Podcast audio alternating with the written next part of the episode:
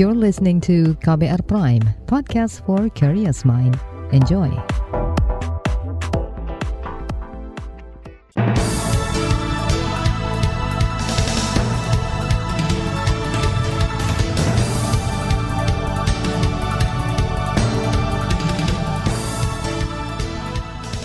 Selamat pagi saudara, senang sekali kami bisa menjumpai Anda melalui program Buletin Pagi edisi Jumat 11 November 2022.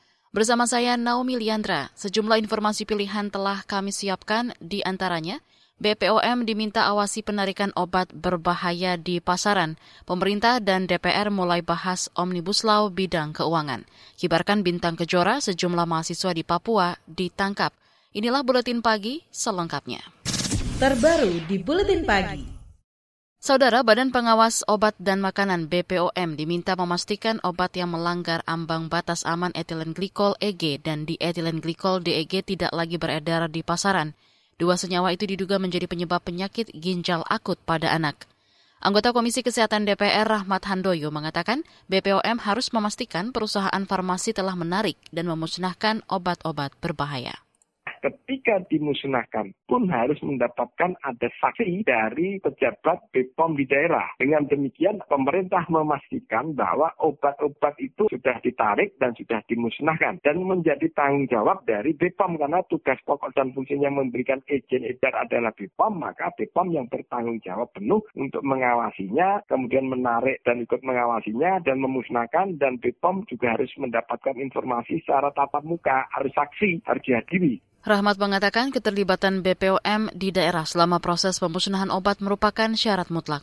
Sebelumnya, Kepala BPOM Penny Lukito mengumumkan lima perusahaan yang diduga melanggar ambang batas aman EG dan DEG dalam obat sirup.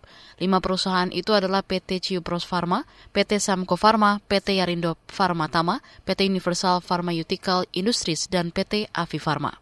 Penny memastikan sudah menghentikan produksi dan distribusi obat yang mengandung senyawa berbahaya dari perusahaan tersebut ke mana saja tentunya catatan distribusi, distribusinya ada ya dari uh, produsernya dan ini yang sedang kita lakukan dengan proses penarikan tersebut akan juga ketahuan di mana saja dan Badan POM UPT-UPT yang akan mencermati ya di wilayah-wilayah di mana didistribusikan. Saya kira kita punya bisa kita catatkan ya kan pada produsennya didistribusikan ke mana saja dan kami nanti balai-balai POM Badan POM di seluruh Indonesia di mana lokasi bisa mencermati.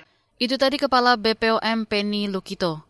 Saudara, daftar produk obat yang ditarik karena mengandung EG dan DEG melebihi ambang batas bisa dilihat lengkap di laman pom.go.id. Ketua Umum Ikatan Apoteker Indonesia IAI Novendri Rustam sudah meminta anggotanya memilah obat berbahaya sesuai rekomendasi BPOM. Dia mengatakan obat-obat itu akan dimusnahkan.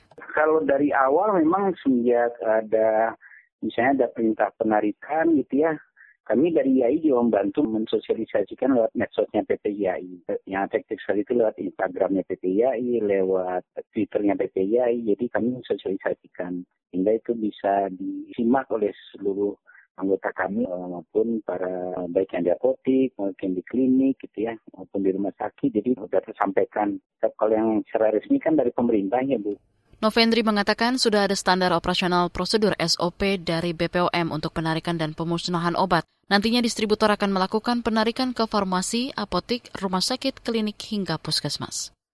Desakan agar perusahaan farmasi segera menarik obat yang dinyatakan berbahaya oleh BPOM juga disuarakan Yayasan Lembaga Konsumen Indonesia YLKI. Anggota Bidang Pengaduan dan Hukum YLKI, Rio Priyambodo, mengatakan penarikan juga harus diawasi ketat oleh BPOM sehingga tidak ada produk berbahaya yang tersisa di pasaran. Kalau itu yang menarik ya perusahaan ya, sehingga BPOM yang akan mengawasi misalkan jumlah produksinya berapa, sekarang yang udah kerja berapa, yang ditarik berapa, yang saat ini sudah masuk semua BPOM berapa, yang masih ada di masyarakat berapa. Nah itu nanti BPOM tinggal mengawasi aja.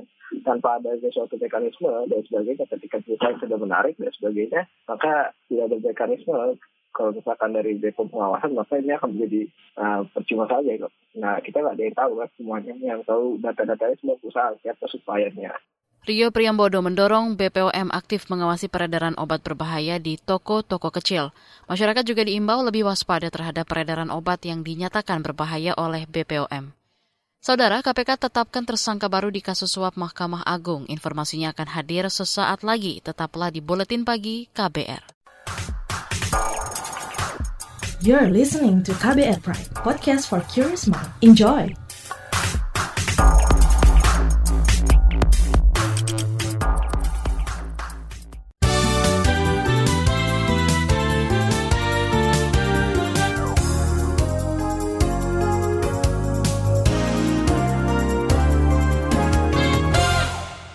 Anda sedang mendengarkan Buletin Pagi KBR.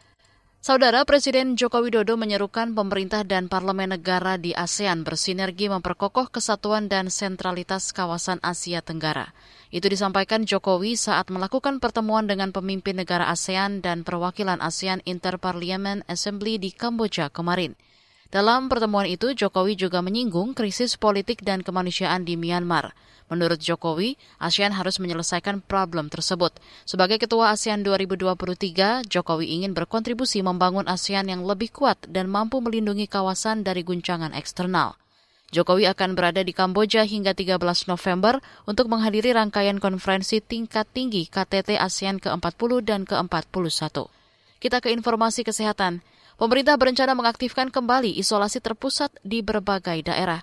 Juru bicara Kementerian Kesehatan Kemenkes Muhammad Syahril mengatakan langkah ini dilakukan merespons naiknya kasus COVID-19 dalam beberapa hari terakhir. Kemkes sedang berkoordinasi dengan berbagai pihak, termasuk kepada Satgas COVID-19 dan Dinas Kesehatan DKI Jakarta untuk mengaktifkan kembali layanan isolasi terpusat di Rumah Sakit Darurat Wisma Atlet. Ya. Kementerian Kesehatan juga mengingatkan kepada masyarakat untuk memanfaatkan layanan telemedicine ya yang gratis yang pasien terkonfirmasi COVID-19 di mana selain layanan konsultan juga masih disediakan obat yang gratis ya. Syahril mengatakan kenaikan kasus COVID-19 terjadi di 30 provinsi. Kemarin kasus harian bertambah hingga 6.200-an. Kabar Pemilu Kabar Pemilu Partai Nasdem membantah ada masalah dengan Partai Keadilan Sejahtera PKS dan Demokrat terkait rencana koalisi. Isu retaknya koalisi tersebut muncul lantaran rencana pengumuman yang sedianya digelar kemarin batal terlaksana. Wakil Ketua Umum Nasdem Ahmad Ahli mengklaim partainya terus berkomunikasi dengan PKS dan Demokrat.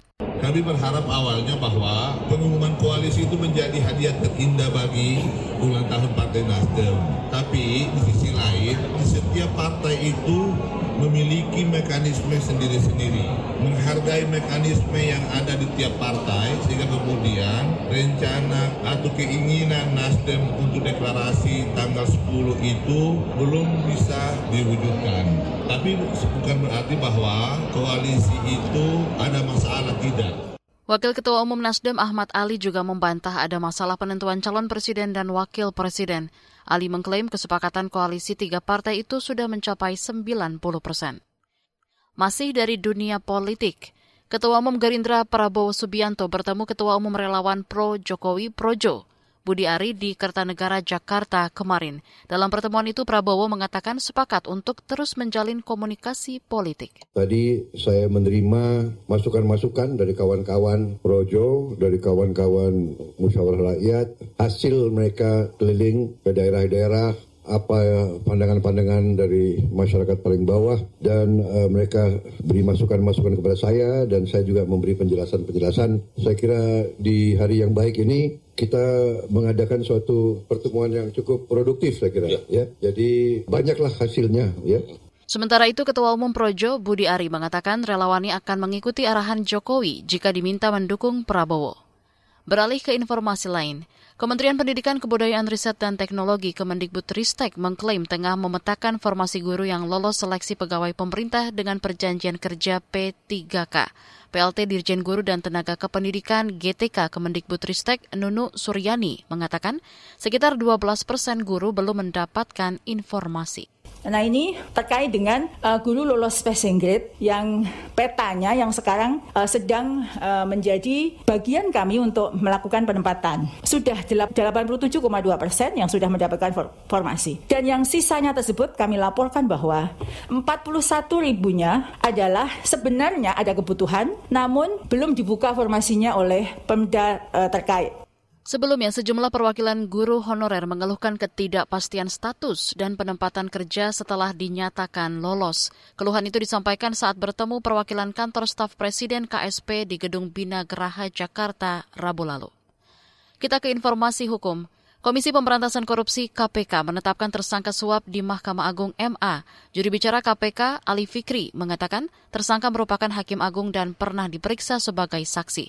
Namun identitas tersangka belum diungkap. Dan pada saatnya nanti ketika proses penyidikan ini cukup, pasti kami akan umumkan secara resmi termasuk konstruksi perkara ini secara utuh. Kami akan selalu sampaikan kepada masyarakat setiap perkembangan dari kegiatan penyidikan ini sebagai bentuk transparansi kerja-kerja KPK. Sebelumnya, KPK tengah menyidik kasus dugaan korupsi pengurusan perkara di Mahkamah Agung. Dalam kasus ini, KPK menetapkan 10 tersangka termasuk Hakim Agung nonaktif Sudrajat Dimiati. Kita ke informasi ekonomi. Rancangan Undang-Undang Pengembangan dan Penguatan Sektor Keuangan RUU PPSK dinilai akan memperkuat stabilitas sistem keuangan. Itu disampaikan Menteri Keuangan Sri Mulyani saat rapat kerja di DPR kemarin. Dia menilai penguatan jaring pengaman sistem keuangan JPSK diperlukan untuk memberi kepastian efektivitas, utamanya dalam menangani masalah perbankan dan sektor keuangan lainnya. Pemerintah dan Komisi Keuangan DPR mulai membahas RUU PPSK kemarin. RUU ini didesain dengan konsep Omnibus Law dengan mengintegrasikan sekitar 16 undang-undang di sektor keuangan. Menteri Koordinator Bidang Maritim dan Investasi Menko Marves Luhut Bin Sar Panjaitan menyebut upaya digitalisasi dalam pengadaan barang atau jasa bisa mencegah korupsi. Itu disampaikan Luhut dalam acara Indonesia Fintech Summit kemarin. Apa akibatnya ini, saudara sekalian? Korupsi pasti kurang, karena banyak korupsi itu datang dari pengadaan tadi, government procurement. Karena sekarang digitalized, dia kalau tocok-tocok gini aja. Bagaimana kalau lagi nggak ada tender, tapi banyak yang nggak suka, saya nggak peduli. Luhut menambahkan digitalisasi juga akan mengurangi biaya produksi dan menambah penerimaan pajak. Dia yakin digitalisasi barang atau jasa juga akan mengembangkan industri lokal atau UMKM. Kita ke informasi G20. Presiden Rusia Vladimir Putin dipastikan tidak hadir secara fisik pada acara konferensi tingkat tinggi, tinggi KTT G20 15 hingga 16 November di Bali. Dikutip dari AFP, kepastian itu diperoleh dari Kedutaan Besar Rusia di Jakarta. Kepala Protokol Kedutaan Yulia Tomskaya mengatakan Putin direncanakan hanya ikut secara virtual. Sebagai gantinya, Menteri Luar Negeri Sergei Lavrov bakal hadir di KTT G20. Sementara itu, Duta Besar Ukraina untuk Indonesia, Vasil Hamianin, belum bisa memastikan kehadiran langsung Presiden Volodymyr Zelensky di KTT.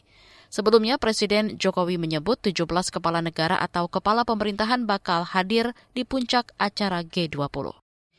Beralih ke berita mancanegara, Presiden Amerika Serikat Joe Biden akan bertemu Perdana Menteri Jepang Fumio Kishida dan Presiden Korea Selatan Yoon Suk Yeol. Dilansir dari Reuters, Biden akan membahas cara membendung program nuklir Korea Utara. Tiga pemimpin negara itu rencananya bertemu pada 13 November di Kamboja di sela konferensi tingkat tinggi KTT ASEAN. Rabu lalu, Korea Utara kembali menembakkan rudal balistik di lepas pantai timurnya di Laut Jepang. Militer Korea Utara mengatakan peluncuran itu merupakan simulasi serangan terhadap Korea Selatan dan Amerika Serikat. Beralih ke berita olahraga.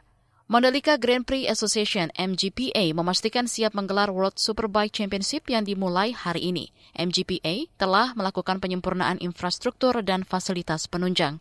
Penyempurnaan dilakukan pada beragam aspek mulai dari pengaspalan ulang, perluasan kawasan parkir, hingga kesiapan marshal di arena.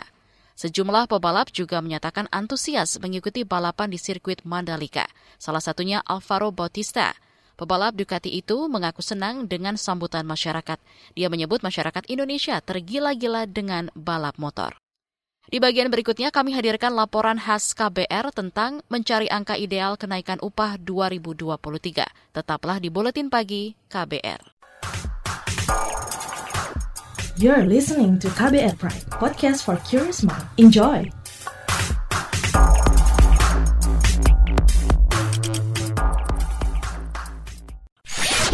Commercial break. Commercial break.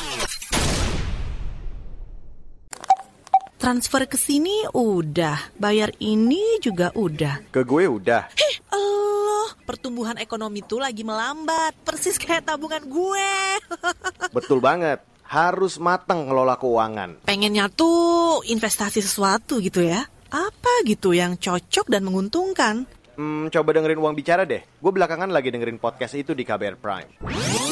Reksadana yang tadinya 500 juta udah turun dari 250 juta sekarang 10 ribu sama kita ngopi mahalan mana Ketika itu ada keputusan yang kayak begitu, investor harus tahu gitu, oh ada keputusan ini berarti implikasinya apa? Orang mungkin Perluas literasi kamu lewat podcast Uang Bicara. Uang Bicara menavigasi kamu dengan menghadirkan bahasan-bahasan seru dan populer mulai dari investasi sampai kebijakan. Dipersembahkan oleh KBR Prime dan bisa didengarkan di KBR Prime, Spotify, dan platform mendengarkan podcast lainnya. KBR Prime, podcast for curious mind.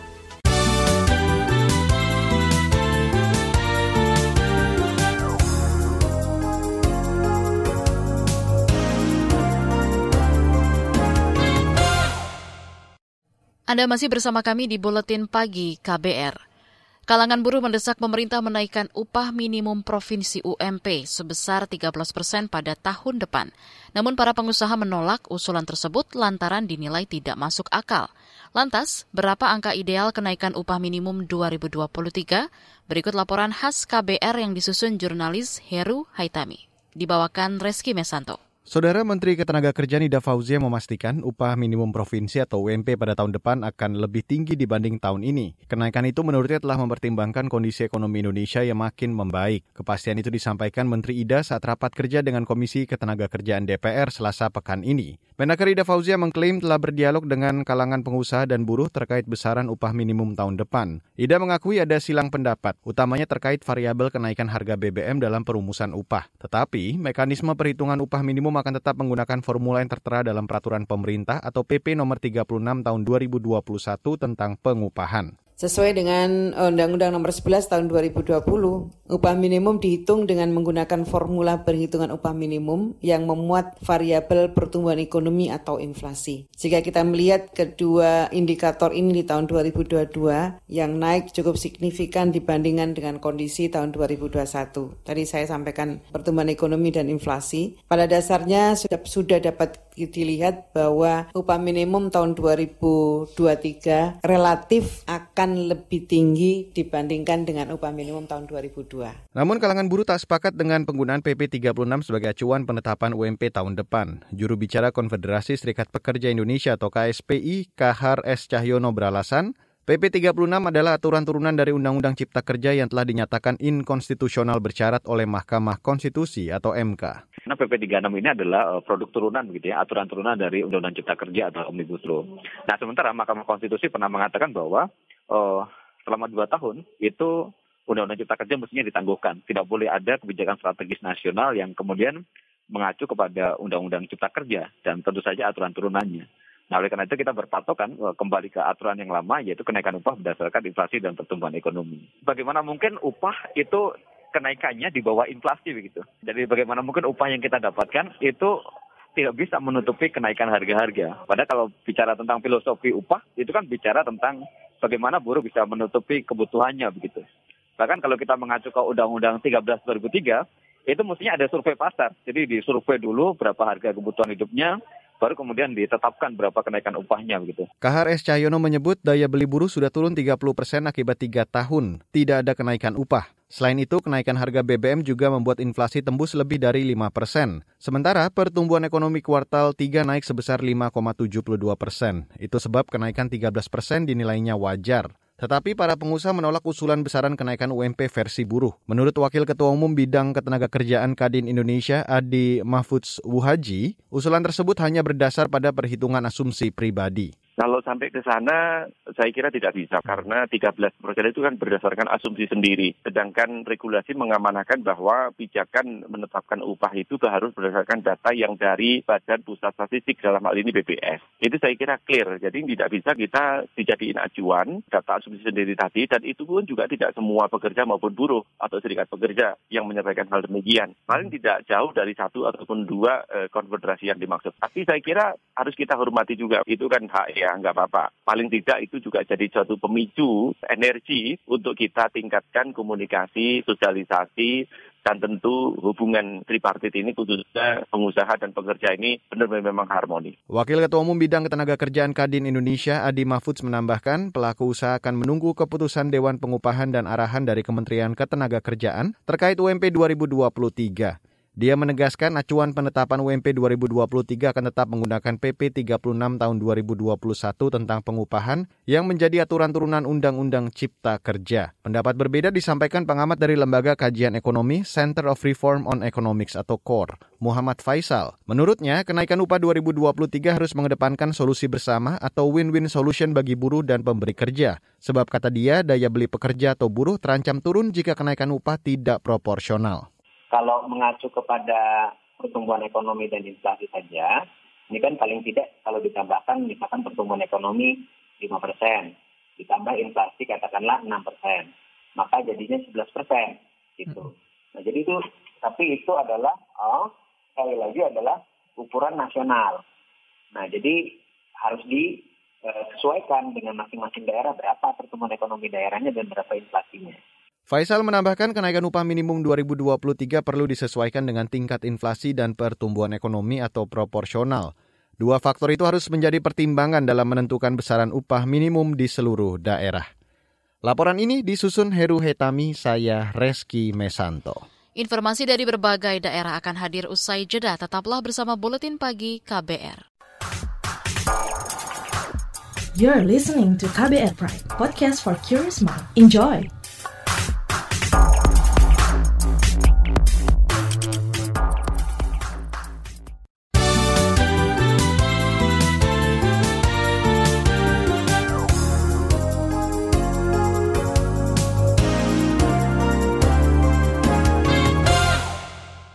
Inilah bagian akhir buletin KBR. Saudara, Presiden Joko Widodo akan meresmikan Masjid Sheikh Zayed Al Nahyan di Solo Senin pekan depan. Rencana peresmian masjid hibah dari Uni Emirat Arab itu lebih cepat tiga hari dari rencana semula. Wali Kota Solo Gibran Raka Buming Raka mengatakan jadwal dimajukan menyesuaikan agenda Jokowi di G20 pulang dari Kamboja langsung. Ya, ya karena pertimbangan lebih lebih penak dari apa? Maksudnya biar inilah biar fokus di sana. Jadi pulang dari Kamboja.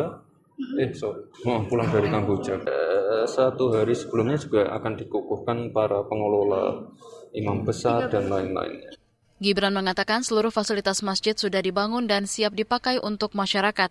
Masjid seluas 3,6 hektar ini menjadi yang terbesar di kota Solo. Pembangunan masjid menelan biaya sekitar 290 miliar rupiah.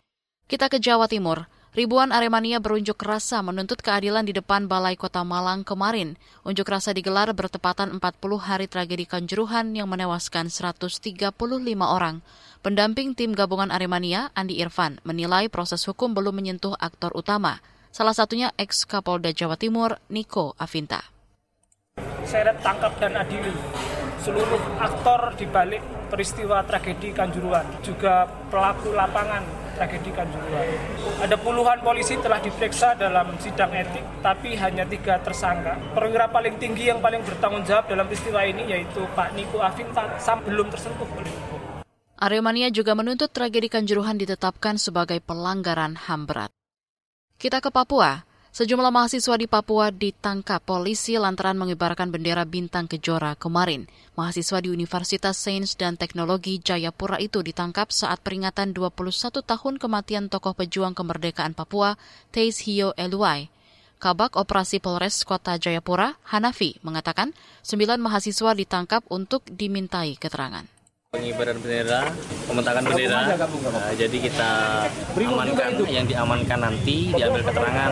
Kalau memang memenuhi unsur pidana, nanti kita proses pidana. Agar ke depan menjadi pembelajaran untuk mahasiswa untuk belajar, bukan untuk uh, orasi di bidang politik. Sementara itu perwakilan mahasiswa Chris Dogopia mengatakan polisi membuka paksa gerbang kampus yang ditutup dan berupaya membubarkan paksa. Saat pembubaran, polisi menembakkan gas air mata ke arah mahasiswa. Masih dari Papua, Menteri Dalam Negeri Mendagri Tito Karnavian pagi ini akan melantik tiga penjabat gubernur di daerah otonomi baru DOB Papua. Ketiganya yaitu penjabat gubernur Papua Selatan, Papua Tengah, dan Papua Pegunungan. Juru bicara Kemendagri Beni Irwan saat dikonfirmasi KBR mengatakan pelantikan digelar di kantor Kemendagri. Proses pelantikan rencananya dimulai pukul 8.30 waktu Indonesia Barat. Informasi tadi menutup jumpa kita di Buletin Pagi hari ini. Pantau juga informasi terbaru melalui kabar baru, situs kbr.id, Twitter kami di akun @beritaKBR serta podcast di alamat kbrprime.id. Akhirnya saya Naomi Liandra bersama tim yang bertugas undur diri. Salam.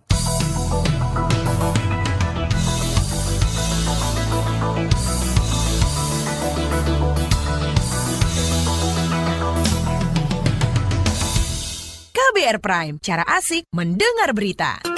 KBR Prime, podcast for curious mind.